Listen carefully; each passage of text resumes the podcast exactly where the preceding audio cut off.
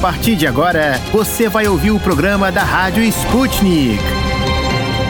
Olá, ouvintes. Eu sou a Tayana de Oliveira e ao lado da Melina Saad vou apresentar o programa de hoje da Rádio Sputnik. Isso mesmo, Thay. Mais uma semana começando. Vamos trazer agora o que acontece de mais importante nesta segunda-feira, 28 de março. O ministro da Cidadania, João Roma, se filiou ao PL. O partido realizou ontem um evento nacional para anunciar os novos aliados da sigla. O presidente Jair Bolsonaro participou do encontro, assim como a ministra da Agricultura, Tereza Cristina, o ministro da Casa Civil, Ciro Nogueira, o ministro da Infraestrutura Tarcísio de Freitas, o ministro das Comunicações Fábio Faria e o ministro do Trabalho e Previdência Onyx Lorenzoni. A cerimônia marcou ainda a filiação ao PL do ministro da Ciência, Tecnologia e Inovações, Marcos Pontes, e do senador Eduardo Gomes, líder do governo no Congresso. No discurso, João Roma elogiou o presidente ao dizer, nas palavras dele, que Bolsonaro é um homem que foi atacado permanentemente, mas conseguiu entregar o que nunca fizeram. Além disso, ele afirmou que Ronaldo Bento, atual secretário de Assuntos Estratégicos da pasta,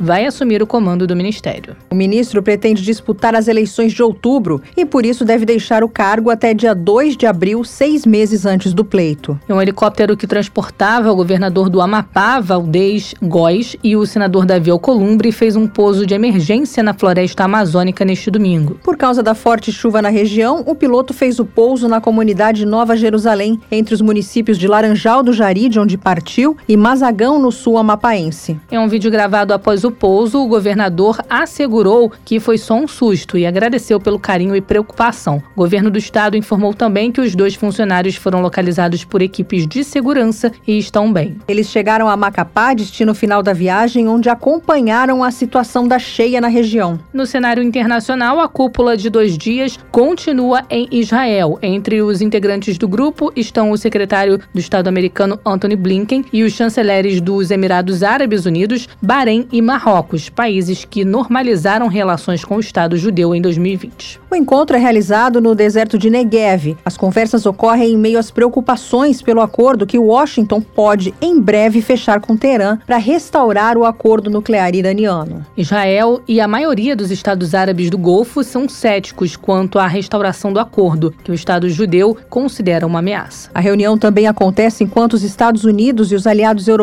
manifestam frustração por causa da falta de apoio dos países do Oriente Médio à Ucrânia durante a operação especial russa. Hoje, o gabinete do primeiro-ministro israelense informou que Naftali Bennett testou positivo para a Covid-19 após a reunião com Blinken. Berlim está considerando a possibilidade de compra de um novo sistema para fortalecer a defesa antimísseis. A informação foi dada pelo chanceler do país, Olaf Scholz, durante entrevista à emissora alemã ARD. Na entrevista, ele também assegurou que a OTAN não tem o objetivo de mudar o regime na Rússia. O chanceler ainda acrescentou que discutiu o assunto com o presidente dos Estados Unidos, Joe Biden. Olaf Scholz afirmou também que a Alemanha apoia a expansão da democracia, mas acredita que são as pessoas e as nações que devem lutar por ela. O chanceler confirmou que a Alemanha vai trabalhar para eliminar a dependência das importações energéticas russas e espera que a dependência do carvão e petróleo russos diminua já neste ano. Durante discurso em Varsóvia no sábado, o presidente americano Joe Biden afirmou que o presidente russo não pode continuar no poder, nas palavras dele. Depois da declaração, a Casa Branca esclareceu que não necessariamente o país tem o objetivo de implementar uma mudança de regime na Rússia. Hoje, o ministro das Relações Exteriores da Rússia, Sergei Lavrov, afirmou que os Estados Unidos e o que chamou de satélites norte-americanos declararam uma guerra híbrida contra a Rússia. Para Lavrov, os Estados Unidos têm o objetivo de minar a estabilidade política interna da Rússia. O chefe da diplomacia russa disse ainda que as relações dos países ocidentais com Moscou chegaram ao ponto de um banditismo estatal direto. O ministro ainda declarou que a Rússia prepara medidas de resposta para proibir a entrada no país de cidadãos de países considerados hostis. Depois desses destaques, vamos conferir o que preparamos para os nossos ouvintes no programa de hoje. E no programa de hoje.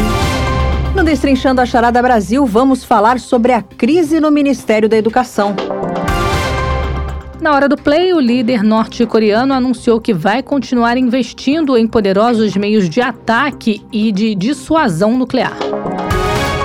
No Destrinchando a Charada Internacional, vamos falar sobre os impactos da suspensão da prestação de serviços, manutenção e fornecimento de peças da Embraer aos aviões da Rússia. No Você Sabia, que é o nosso quadro sobre curiosidades do Brasil, vamos falar sobre a revista de História da Biblioteca Nacional. Para ficar por dentro de todas as novidades, tanto mundiais como brasileiras, se inscreva no nosso canal do Telegram. É muito simples. É só você escrever Sputnik Brasil na busca do Telegram e se inscrever para receber as notificações. Tem alguma dúvida ou comentário sobre a Rádio Sputnik? Você pode entrar em contato com a gente através do e-mail radio.br@sputniknews.com. Destrinchando a charada. De dentro e fora do Brasil. Política, economia, sociedade e tudo que engloba o maior país da América Latina. As charadas mais complicadas do Brasil são destrinchadas aqui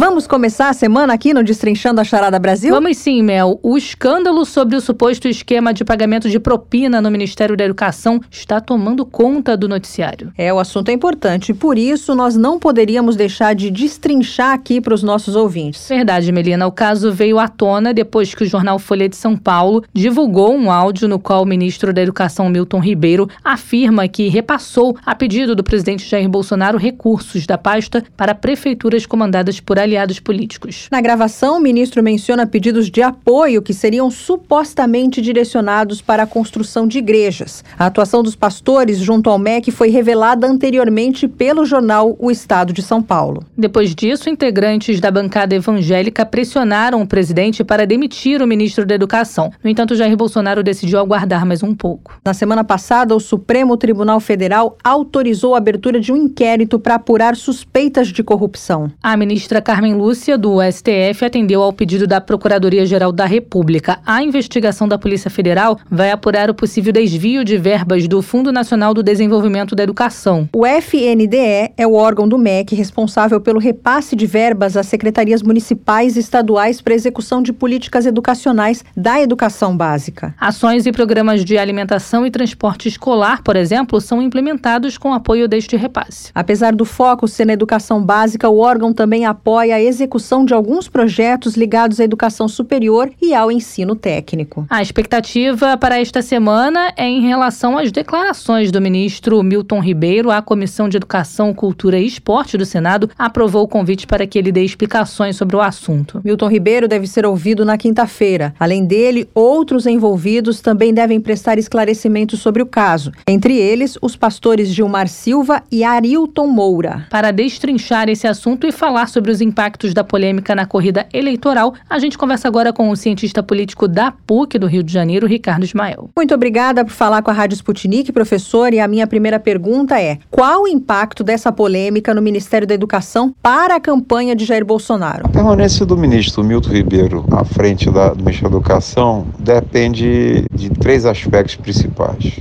Até o momento, o presidente Bolsonaro tem manifestado, vamos dizer assim, confiança, tem dado apoio ao seu auxiliar direto, o que torna, pelo menos nesse momento, uma demissão, um afastamento pouco provável. Ou seja, o Bolsonaro tem talvez mantido o próprio ministro para evitar que essas denúncias, essas questões todas que os áudios levantam, possa chegar nele. Ou seja, o, o ministro Milton Ribeiro é uma espécie de anteparo em relação ao próprio presidente. Existe também, é, vamos dizer assim, uma investigação que vai correr na Procuradoria da República e, como sabemos, isso demora. Né? Isso, autorizado pelo Supremo Federal, a Procuradoria da República ainda vai procurar reunir elementos para fazer uma denúncia em relação ao ministro Milton Ribeiro. Portanto, isso tende a demorar. A oposição, nesse momento, vamos dizer, não está muito articulada é, no Congresso Nacional, embora tenha, claro, repudiado os áudios, tenha várias lideranças manifestado perplexidade diante dessa utilização indevida de recursos do Ministério da Educação, quer dizer, a intermediação desses recursos por pastores, ou seja, uma clara, enfim, uma situação que mostra pouca cuidado com os recursos do MEC e que sejam tratados de forma impessoal, sem envolver aspecto de natureza religiosa. Mas a oposição, vamos dizer assim, neste momento, não ser a não ser a crítica, a não ser manifestações, é difícil imaginar que ela por si só possa vir atuar para o afastamento do ministro. O que é mais provável é que, dependendo da repercussão junto à opinião pública,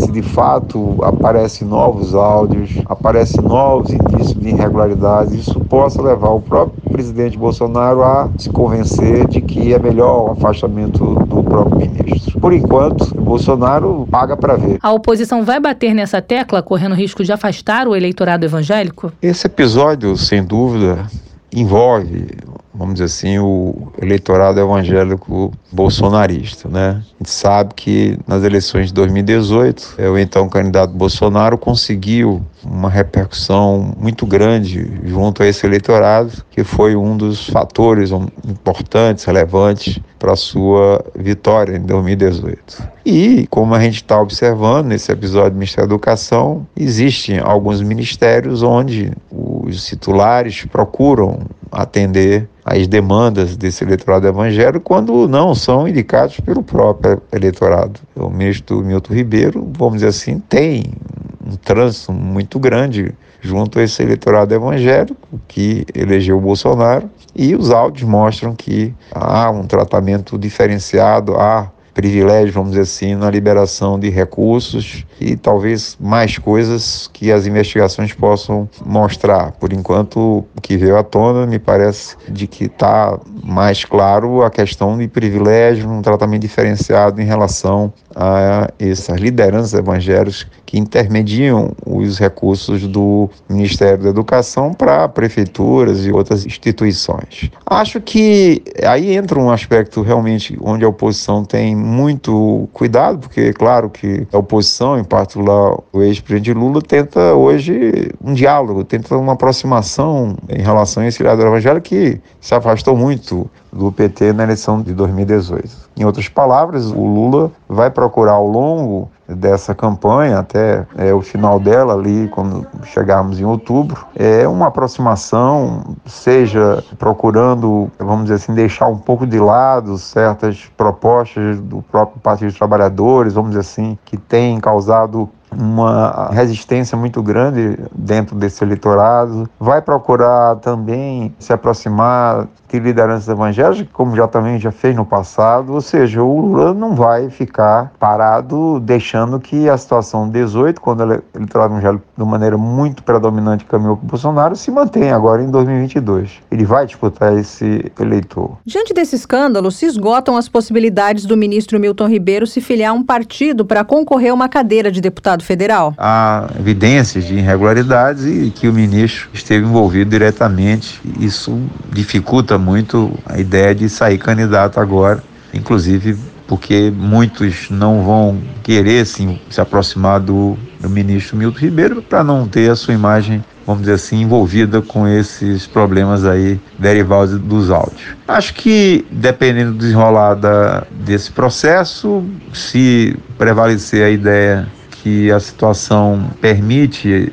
que o, o ministro Milton Ribeiro permaneça no governo, essa será a decisão do Bolsonaro. Quer dizer, o Bolsonaro, se o desgaste permanecer, se houver alguma possibilidade de, de evoluir esse desgaste com a permanência do ministro Milton Ribeiro, ele vai tentar afastar e substituí-lo. Do contrário, eu acho que nessa altura do campeonato, é, o mais provável seria que o ministro ficasse até o fim do mandato do, do Bolsonaro, até porque entendo que não tem assim grande chance de ser deputado federal. Ou seja, seria uma campanha difícil.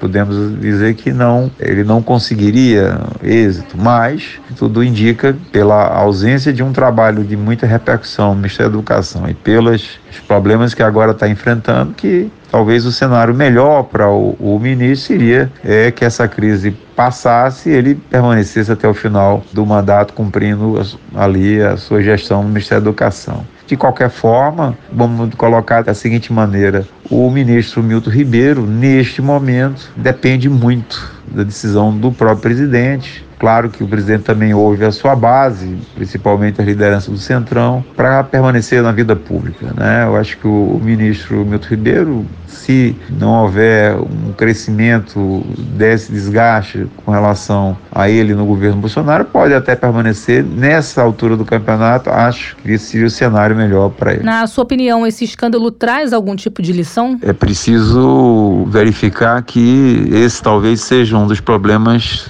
para que o país possa é, avançar, possa conseguir chegar no patamar dos países desenvolvidos. Eu estou me referindo ao trato do dinheiro público. É necessário que os recursos públicos são escassos, é, recursos públicos que muitas vezes faltam aqui, faltam acolá, em questões básicas, moradia, saúde, educação, transporte, segurança pública, esses recursos precisam ser tratados da melhor forma possível. Eu estou me referindo aqui não haja a apropriação desse recurso por interesses privados, por interesses políticos ou interesses religiosos. É necessário que a gente consiga avançar essa luta no Brasil de que o setor público, o governo federal, os governos estaduais, os governos municipais possam zelar pela coisa pública, possam zelar pelo dinheiro público, para que ele seja gasto com aquilo que realmente é do interesse popular, do interesse do povo para que ele não seja desviado, manipulado, de sorte que recursos que são escassos não chegam naqueles que mais precisam, não resolvem os problemas inadiáveis do país. Esse foi o professor Ricardo Ismael, cientista político da PUC Rio. Muito obrigada por expor o seu ponto de vista e até uma próxima oportunidade. Melina, sempre quando alguma denúncia de corrupção vem à tona, o sentimento que fica é o de tristeza, né? Ah, ainda mais quando envolve um ministério assim tão importante quanto o da educação, né? Verdade logo um setor de extrema relevância para a melhoria do Brasil. A gente vai continuar de olho nos desdobramentos dessa polêmica. Esse foi o Destrinchando a Charada Brasil de hoje. Até mais.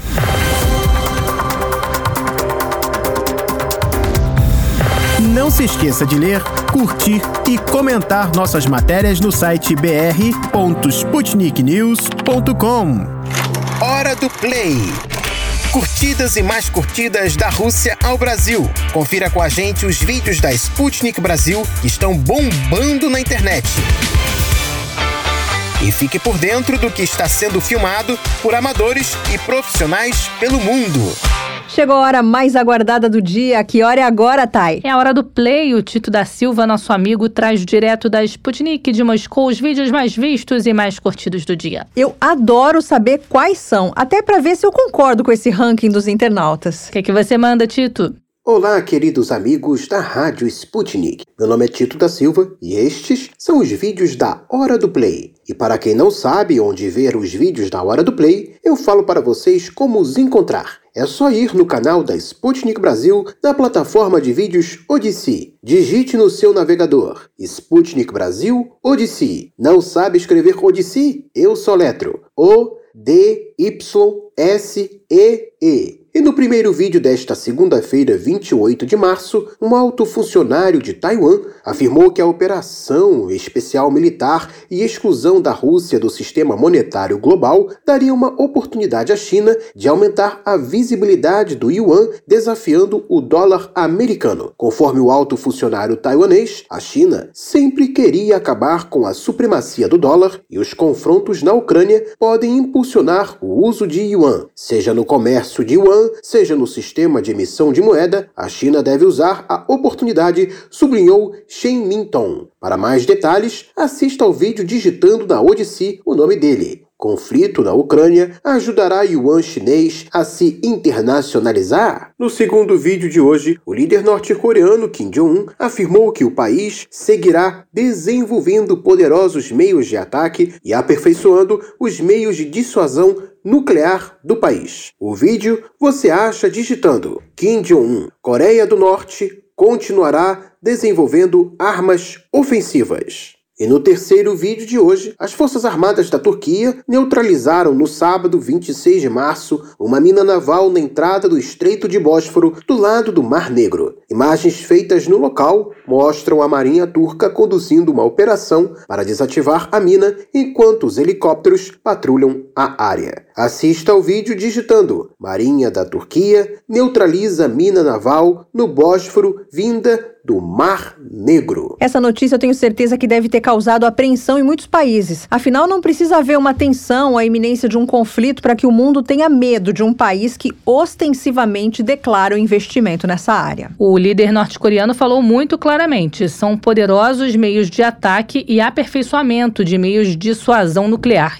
Que medo. A gente se despede do Tito agora, mas amanhã tem mais. Até terça, Tito.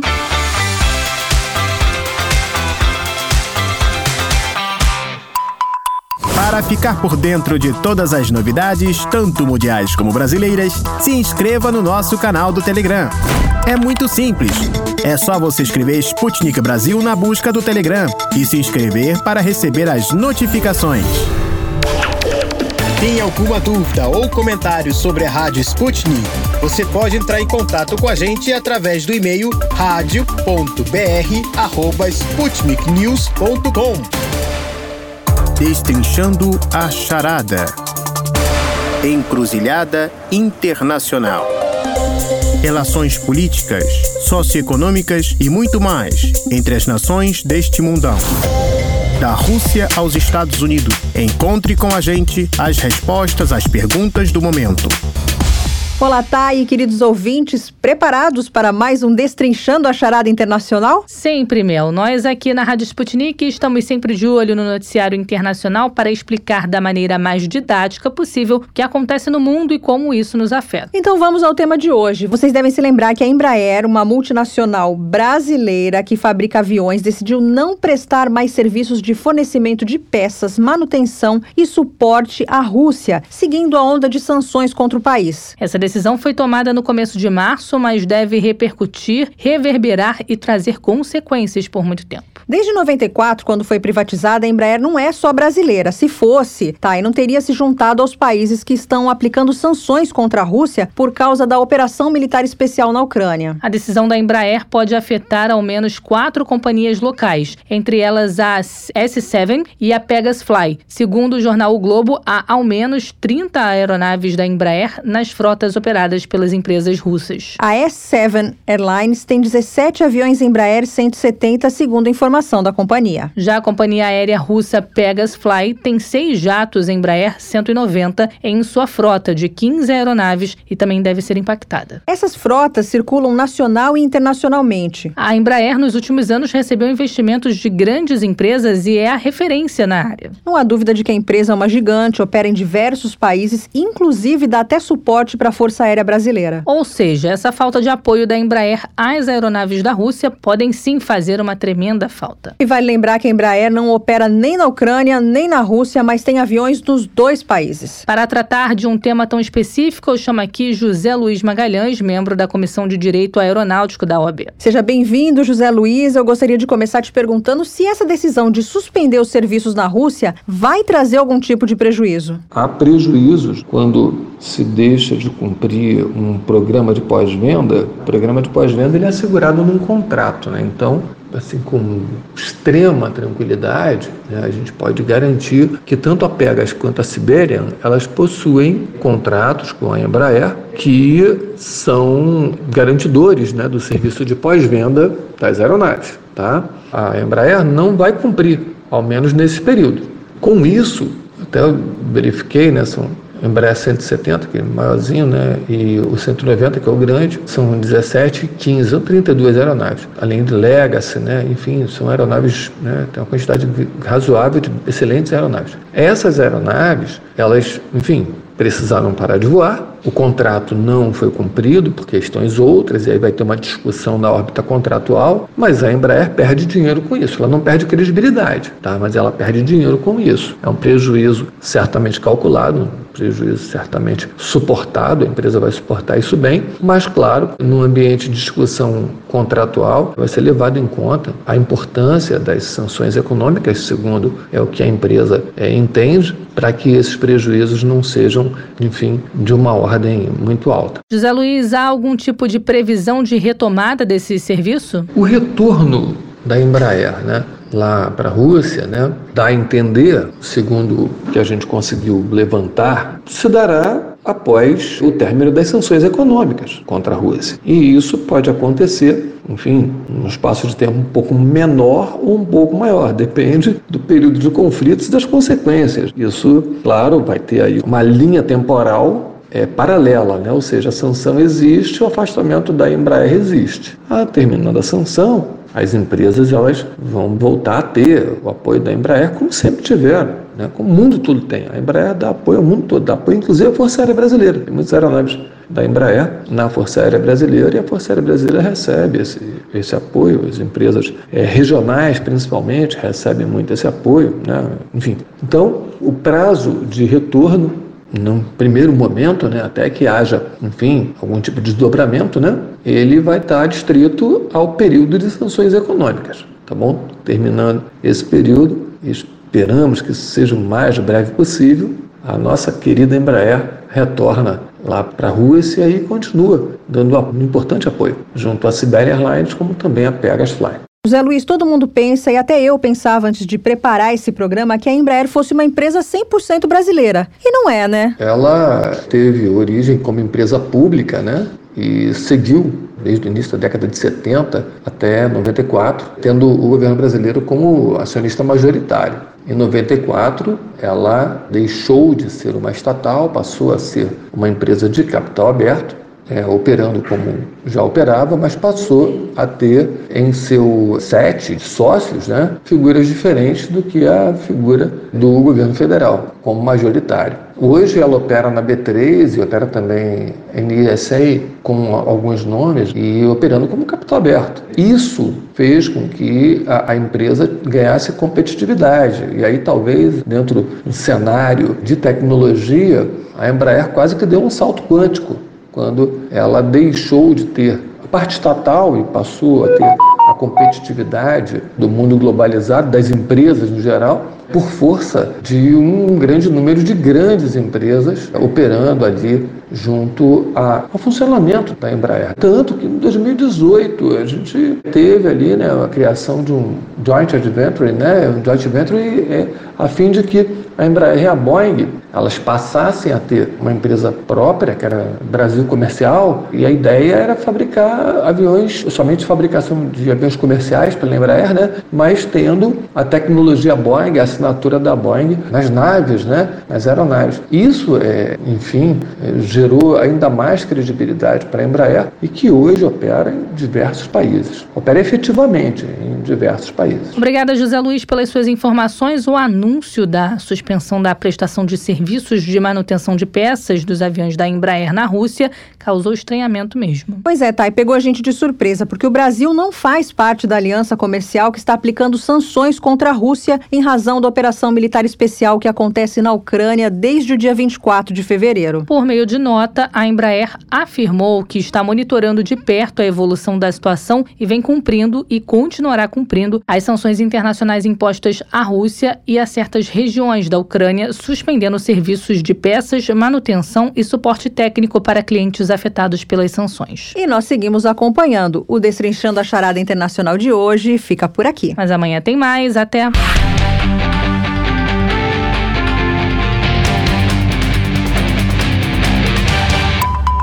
Para ficar por dentro de todas as novidades, tanto mundiais como brasileiras, se inscreva no nosso canal do Telegram.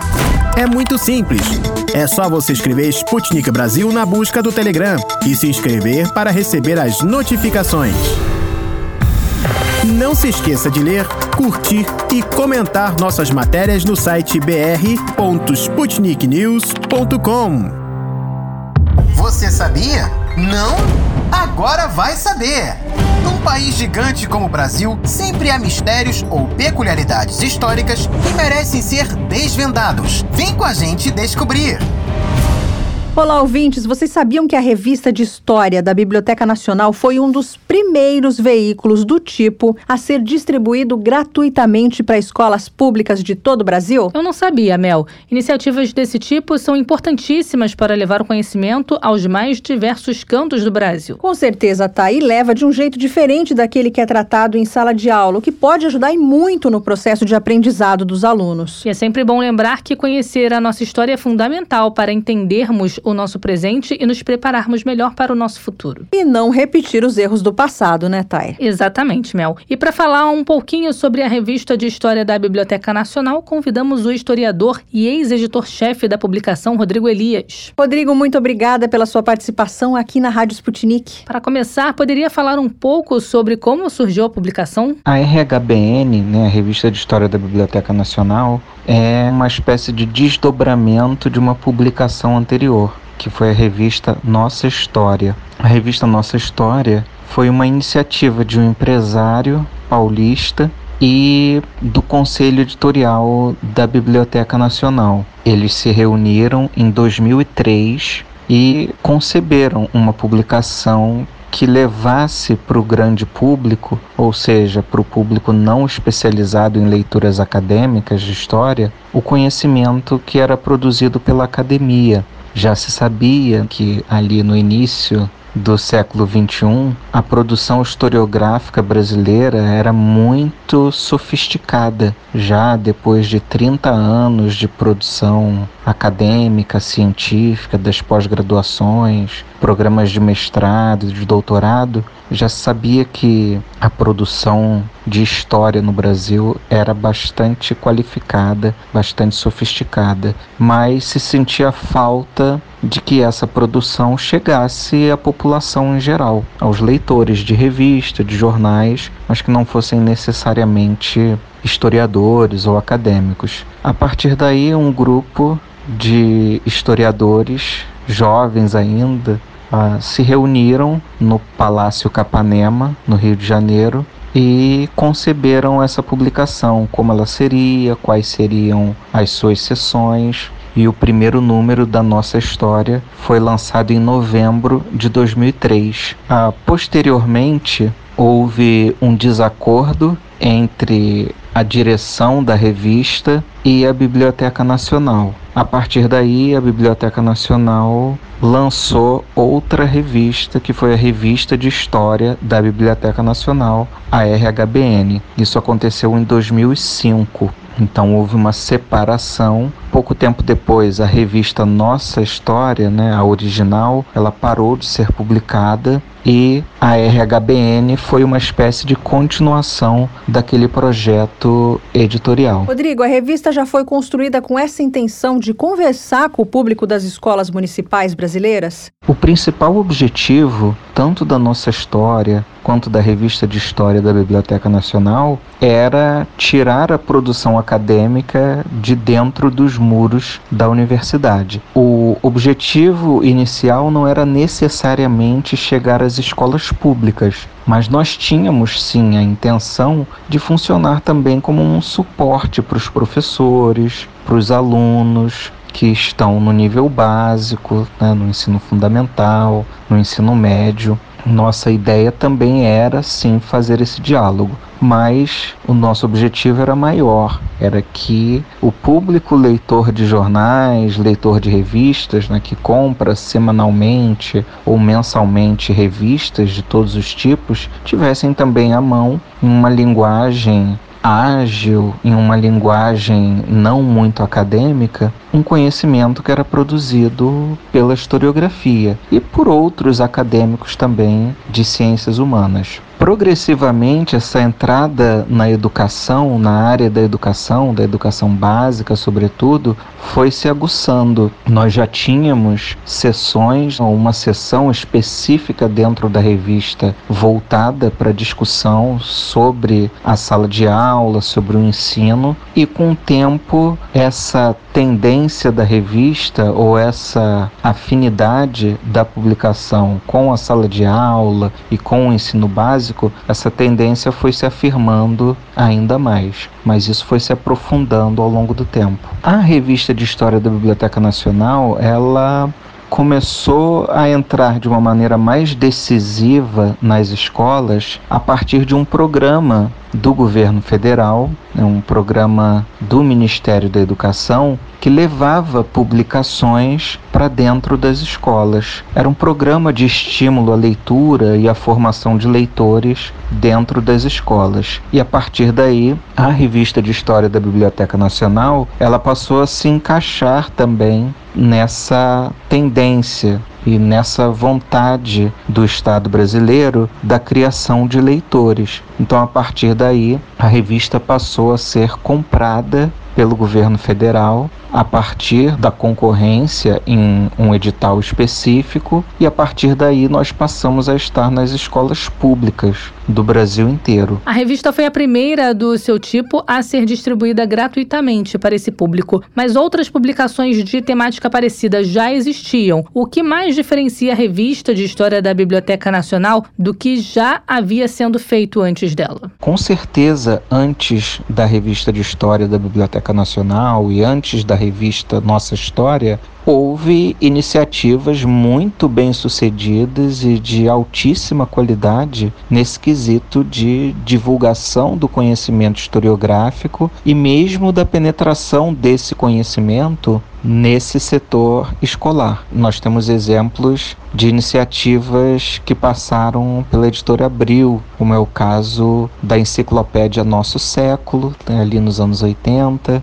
da enciclopédia Saga também, são materiais que ainda hoje servem de referência para quem trabalha com divulgação de história, divulgação do conhecimento histórico. Essas iniciativas tiveram envolvimento de historiadores e historiadoras muito importantes na historiografia brasileira e foram colecionadas por estudantes, professores, né, por brasileiros em geral interessados em história ali ao longo dos anos 80. Então, algo já havia nesse sentido da divulgação e na chegada às escolas, como uma espécie de material paradidático. O que diferenciava a revista Nossa História, sobretudo a revista de história da Biblioteca Nacional, que foi muito mais longeva e participou desse programa de compra do governo federal, foi a nossa periodicidade, que era mensal, a amplitude dos autores, das autoras, das abordagens e da temática ou das temáticas possíveis. Então, essa riqueza que era basicamente a multiplicidade de vozes que passavam pela revista, isso foi um diferencial da RHBN. E como os alunos e professores das escolas municipais recebiam a publicação? Eles gostavam? A RHBN foi muito bem recebida pela comunidade escolar sobretudo por professores e por alunos. Nós recebíamos cartas, correspondências, né, e-mails com professores, professoras dando depoimento, com alunos também, né, com os estudantes, as estudantes também dando depoimentos sobre a leitura da revista e o uso na escola. Inclusive, a partir de determinado momento, nós passamos a fazer também, a produzir um material extra, um material suplementar que era uma espécie de guia do uso do nosso material nas escolas, na sala de aula. Então, essa aproximação com os professores, com a comunidade escolar, ela foi se estreitando ao longo do tempo. E nós tivemos muitos depoimentos. Até hoje, né, a revista ela já parou de circular há alguns anos. Até hoje, eu conheço pessoas que vêm falar comigo, ou na internet, ou em escolas, ou em eventos de história, que são professores ou ex-alunos de ensino básico, né, que acabaram entrando para a universidade e que me falam que tiveram contato com a revista na escola e a revista foi de grande serventia, foi algo que, sobretudo para os alunos, para as alunas, foi algo que reforçava o gosto pela história ou ajudava a despertar o gosto pela história. Então, nesse sentido, a revista foi bem sucedida. Quais foram os temas publicados que mais repercutiram para esse público e por quê? Bem, a revista ela circulou por muito tempo, por vários anos, por mais de 10 anos, se nós considerarmos sobretudo as duas publicações, e nós tivemos uma amplitude temática, uma amplitude de abordagens e de autores muito grande. Então, muitos temas cativaram a atenção do público, tanto do público escolar como do público leitor em geral. Eu posso citar algumas capas que eu lembro que repercutiram bastante, que chamaram muito atenção. Foram, por exemplo, as capas sobre sociedades secretas, sobre maçonaria, por exemplo. Nós demos algumas capas tratando também da questão do nazismo, do nazismo no Brasil especificamente. Foram capas que repercutiram muito ah, capas, né, edições que tratavam da história do Império do Brasil, sobre personagens da então família imperial brasileira. Agora, um tema, né, ou os temas que mais atraíam de alguma maneira os nossos leitores, as nossas leitoras, são temas caros à história social e política do Brasil. Por exemplo, as capas e os textos sobre a história da escravidão, sobre a história da escravidão no Brasil, os textos e as capas sobre a ditadura militar no Brasil também eram capas que repercutiam muito, né? são temas, né? tanto a escravidão quanto a ditadura, sobretudo a última ditadura, a ditadura militar, inaugurada em 64, são temas não só muito dolorosos, mas são temas fundamentais da história do Brasil e a repercussão no nosso público não era diferente né, dessa importância. O público se importa, o público brasileiro se importa com esses temas e é ávido pela discussão desses temas também. Isso também se refletia no interesse escolar. Rodrigo, como professor, qual que é a importância de nós termos acesso a uma publicação desse tipo na rede pública de ensino brasileira? Eu sou suspeito para falar da importância do acesso a esse tipo de material no Brasil. A revista parou de circular ali em 2016. Eu não vejo uma melhoria no Brasil de 2016 para cá, em vários setores. E eu considero que o brasileiro e a brasileira, de uma maneira geral, carecem de uma discussão profunda, qualificada e ao mesmo tempo acessível, num formato palatável, sobre a formação do Brasil, sobre nossas profundas questões sociais, culturais. Então, a revista ao mesmo tempo em que ela funcionava como uma espécie de instrumento para ajudar a formar leitores e leitoras, ela trazia discussões importantes sobre quem nós somos. Estudar a história de um país é saber um pouco quem nós somos, né? de uma maneira um pouco mais profunda do que um retrato do presente. Então, me parece que era uma publicação que não era irrelevante. Me parece que a circulação da revista de história da Biblioteca Nacional fazia sentido num país com tantos problemas estruturais como nós temos, essa discussão constante, mensal, né, que se tornava diária a partir também das escolas, me parecia algo importante. Mas a sociedade brasileira abriu mão bem rapidamente da revista. Então talvez a minha análise não corresponda ao sentimento verdadeiro do país em relação a esse tipo de discussão. Olha, Rodrigo, nem sempre as decisões do governo estão em linha com o que pensa a sociedade. Olha, com certeza, tá. Eu, pelo menos, acho toda a iniciativa para dar acesso ao conhecimento ao grande público válida. Exatamente. Agora, conta um pouco pra gente sobre o fechamento da revista. Como e por que isso aconteceu? A RHBN acabou aos poucos acabou aos poucos a partir, sobretudo de 2015, quando mais uma vez nós ganhamos um edital para compra das revistas, mas o governo federal não efetivou a compra.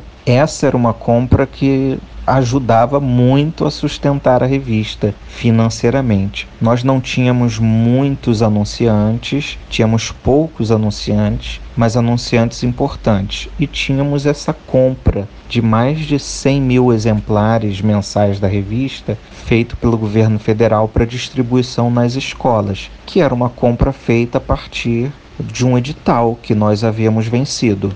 O último que nós vencemos acabou não sendo comprado pelo governo federal, então isso nos afetou profundamente. E ali também, a partir de 2015, 2016, nós temos a Lava Jato. E a Lava Jato atingiu em cheio a Petrobras. A Petrobras era o maior patrocinador, né, era a empresa que tinha a maior cota de patrocínio da revista de História da Biblioteca Nacional. E a partir ali de 2015 para 2016, a Petrobras de uma hora para outra simplesmente suspendeu seus patrocínios culturais e a revista de História da Biblioteca Nacional foi atingida diretamente por conta disso. Posteriormente, a partir ainda de 2016, com uma mudança no governo, uma mudança de governo, na verdade, uma mudança através de um processo de impeachment, a partir dali a Petrobras vai entrar para uma nova direção e não interessou mais politicamente a Petrobras apoiar uma revista como a revista de história da Biblioteca Nacional. Então, uma empresa como a Petrobras decidiu que a revista de história da Biblioteca Nacional não mereceria mais esse apoio e por outro lado, o novo governo instaurado também ali em 2016 decidiu que não compraria a revista então, nós tivemos essas decisões empresariais e governamentais de que a revista de história da Biblioteca Nacional não era mais digna de circular, digna de ser produzida. Então foi uma escolha, né? A revista ela não acabou por acaso, ela acabou num processo, mas num processo que envolveu também né, escolhas econômicas, escolhas políticas. Na sua avaliação, que lacuna a publicação deixou para as escolas públicas nacionais? Me parece que a revista deixa uma lacuna, de fato. E eu falo isso não apenas como alguém que trabalhou na concepção da revista, no projeto inicial, tanto da nossa história quanto depois trabalhando também na RHBN, mas também alguém que foi ou esteve do outro lado ou está do outro lado, que é o lado da sala de aula, tanto no nível superior quanto no nível básico, a revista ela é algo importante ou ela foi algo importante e ela servia como ainda serve, muitos professores, professoras ainda utilizam os textos, né? Eles estão aí, eles estão por aí ainda. As revistas, ainda bem, não foram incineradas, mas as revistas ainda servem como motivo de discussão. Os seus textos ainda são relevantes. Agora, é uma pena que a gente não possa mais produzir esse material, porque a pesquisa histórica, a pesquisa historiográfica no Brasil só cresceu de qualidade, apesar de todos os reveses que a pesquisa acadêmica do Brasil tem sofrido nos últimos anos, sobretudo ali a partir de 2016 e mais profundamente a partir de 2019, ainda assim a comunidade acadêmica, historiográfica e das ciências humanas como um todo tem se sofisticado né, de uma maneira muito extraordinária. E é uma pena que esse material não esteja chegando diretamente às escolas públicas do Brasil através de publicações como a Revista de História da Biblioteca Nacional. Claro, há outras formas de divulgação, outras formas de divulgação acadêmica, né? os podcasts estão aí, os perfis nas mídias sociais estão aí também, vários divulgadores de história e outras ciências humanas são muito presentes hoje né? na internet brasileira, por exemplo, mas a revista dava esse material também concreto, que também é algo importante para esse nosso trabalho diário aí nas trincheiras da educação. Então, eu acho que a revista ainda faz falta. É uma pena mesmo, Rodrigo. Fica a nossa torcida para melhores dias para a divulgação científica brasileira. Sem dúvida, Thay. Rodrigo, muito obrigada pela sua participação e nós esperamos contar com ela novamente em outras oportunidades. O nosso Você Sabia de hoje fica por aqui. Até a próxima.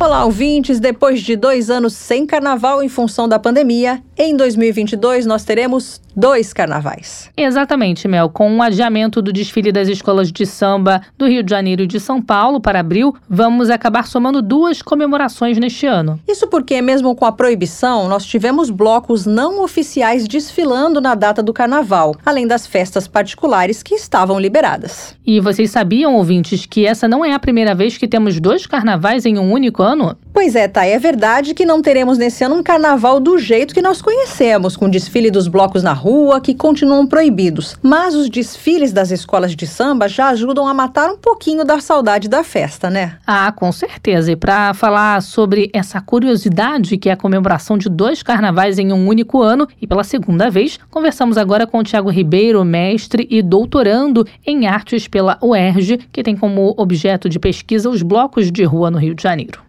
Tiago, muito obrigada pela participação. Conta pra gente o que houve em 1912 para que acontecessem dois carnavais. O que houve em 1912 foi o falecimento do Barão do Rio Branco, que na época era o ministro das Relações Exteriores do Brasil. Ele morreu faltando uma semana para o carnaval, mas ao contrário do que a gente pode imaginar, essa tentativa de adiamento do carnaval naquela época não foi uma proposta oficial do governo, foi uma campanha principalmente capitaneada pelos jornais. E isso também devido a uma forte comoção popular. Só para você ter uma ideia, é a morte do Rio Branco contou em seu velório, que durou três dias, com a presença de aproximadamente 100 mil pessoas. Então, assim, foi uma verdadeira comoção em torno da morte do Rio Branco que motivou essa tentativa de adiamento. E como era o carnaval no início do século XX? Havia desfiles como os que a gente vê hoje? O carnaval no início do século XX no Rio de Janeiro, ele era marcado por diversas formas de celebrar a festa. A principal delas naquele momento eram as grandes sociedades, que eram desfiles marcados por grandes e, opulentas e bonitas, enfim, alegorias, que cada alegoria representava uma cena, um fato histórico, uma crítica social, enfim. Existia também nessa época os ranchos, que eram manifestações populares do carnaval, que eram marcadas pelo canto de modinhas, cantigas e também por enredos elaborados. Nesse período também estavam surgindo os primeiros grupos que passaram a se identificar como blocos de carnaval. O importante assim a destacar para a gente entender essa época é que essas brincadeiras carnavalescas elas não tinham um formato tão definido como a gente tem hoje. Então, por exemplo, alguns dos primeiros blocos eles lembravam algumas das grandes sociedades. Então, os nomes das brincadeiras não definiam tão claramente a diferença entre esses grupos. Nessa consolidação do jeito mais específico de brincar o carnaval, ela só vai ver mais consolidada a partir ali de 1930, né? Devido a uma série de fatores, mas que o principal deles seria a instituição de vários concursos entre esses grupos. Então, com a instituição de regulamentos, através da competição entre os grupos, vão se estabelecendo as diferenças mais claras entre esses diversos modos de festejar. Tiago, e que fenômeno é esse que motiva as pessoas a celebrarem apesar de qualquer contraindicação existente ou até mesmo de alguma proibição? De onde vem essa potência? A gente não pode esquecer que o carnaval ele surgiu na Idade Média já com esse ar de anarquia, de festas e excessos antes dos dias de jejum, de abstinência da quaresma. No Brasil não foi diferente. O carnaval chega aqui no Brasil através do intrudo ou dos intrudos, que eram na verdade um conjunto de brincadeiras muito marcadas pela afronta ao seu oponente, né? Então tá dentro dessa identidade também. E com a chegada de outros modos de festejar, já no século XIX, o Carnaval das Ruas ele passou a representar também essa disputa pela ocupação do espaço público, de pertencimento na cidade. Então, ocupar as ruas nos dias de carnaval é também, a gente não pode esquecer, um ato político e de cidadania. É um ato de reconhecimento de que a cidade é de todo mundo. Mas é claro que a gente não pode esquecer que existem limites e que nem sempre há uma unanimidade sobre essas pautas. Durante a Segunda Guerra Mundial, por exemplo, várias agremiações carnavalescas deixaram de desfilar. Outras, por sua vez, como as escolas de samba, por exemplo, elas desfilaram mesmo assim. Então essa unanimidade não é tão clara como, por exemplo, no ano passado. No auge da pandemia, em 2021, a gente não teve carnaval pelas ruas para evitar o contágio da doença doença. Eu só acho importante a gente destacar que festejar o carnaval, ele não é sinônimo de que a vida vai bem. Que normalmente isso é um argumento que tá na boca ou no pensamento dos críticos ao carnaval. É que eu acho que o melhor exemplo é a festa de aniversário, né? Assim como a gente não deixa de celebrar todos os anos o nosso aniversário, mesmo que a gente esteja cheio de problema, o carnaval também, ele não vai ocupar as ruas só quando o mundo estiver sem um conflito. Em 1912, a questão principal era o respeito ao luto, certo? Assim foi considerado uma afronta celebrar o carnaval ou houve um senso de compreensão em nome dos vários significados da festa? Em 1912, a gente não teve também um consenso sobre essa realização do carnaval. A gente tinha de um lado os jornais que publicavam várias charges com críticas a quem tivesse interessado na farra, divulgando também abaixo assinado para o adiamento da festa. A gente tinha grande sociedade, algumas resolveram não desfilar, inclusive grandes sociedades que participaram do cortejo fúnebre do Barão de Rio Branco. Mas a gente também teve, do outro lado, outros grupos que resolveram festejar mesmo assim. Mas eu acho que o mais irônico daquele carnaval é que o principal local de desfiles daquela época era a Avenida Central, que mudou de nome para a Avenida Rio Branco em homenagem ao falecido. E essa mudança de nome foi antes do carnaval. Então, quem resolveu festejar aquele carnaval ainda brincou na avenida que dava nome ao falecido Rio Branco. E agora, em 2022, como você percebe a reação da sociedade e das autoridades diante de quem decidiu festejar o carnaval antes da data marcada? Já nesse caso de 2022, agora, eu também não vejo um consenso.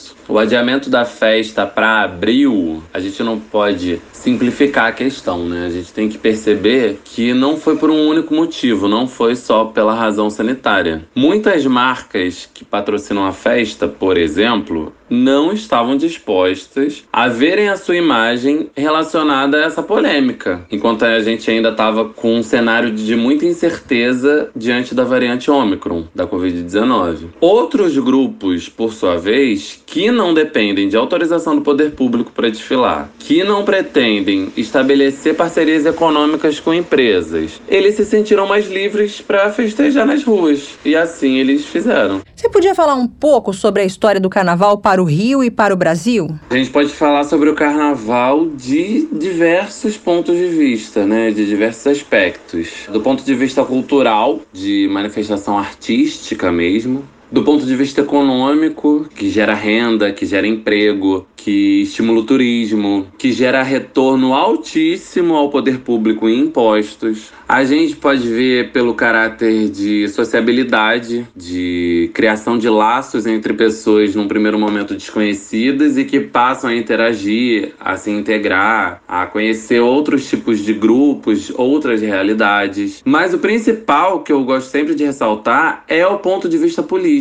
de perceber que somos parte ativa da cidade, que a gente pode ressignificar o espaço urbano, que a gente pode e deve ocupar as ruas e se sentir dono delas. Para encerrar, Tiago, além de 1912 e 2022, tivemos outro ano em que algo parecido ocorreu.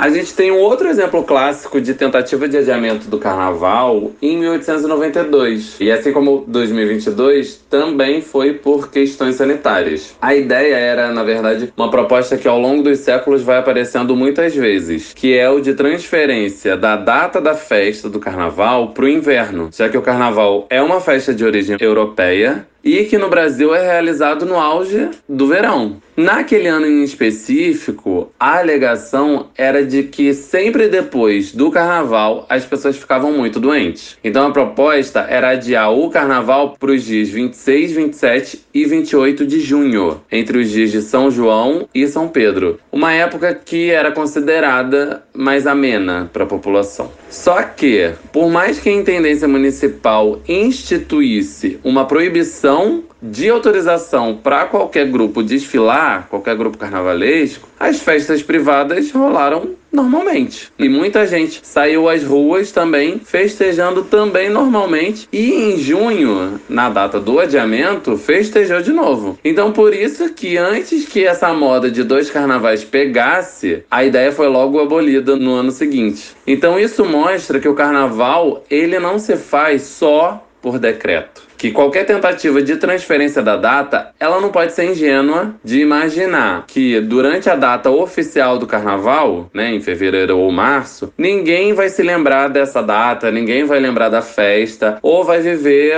o seu dia como se fosse um dia qualquer. A gente está falando de uma tradição secular que faz parte da nossa identidade. Tiago, muito obrigada pela participação. Agora é só aguardar os desfiles desse ano, né, Thay? Com certeza, Mel. O Você Sabia de hoje fica por aqui. Até a próxima.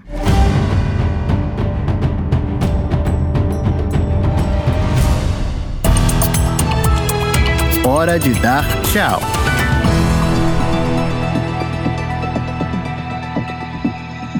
É isso então, queridos ouvintes. Acabou o programa desta segunda-feira, dia 28 de março. E eu tenho certeza que os nossos ouvintes vão continuar ligados em toda a nossa programação. Para isso, basta dar uma passadinha no site da Sputnik Brasil, br.sputniknews.com, para conferir as notícias do momento. Lembrando que nós temos também o nosso canal da Sputnik Brasil no Odissi. Não dá para perder, né? Lá, nossos ouvintes encontram os vídeos dos assuntos mais importantes do momento, tanto no Brasil como no resto do mundo. Fiquem ligados ligados também nas informações sempre atualizadas no Twitter e Telegram da Sputnik Brasil. Boa segunda-feira, a gente se encontra amanhã.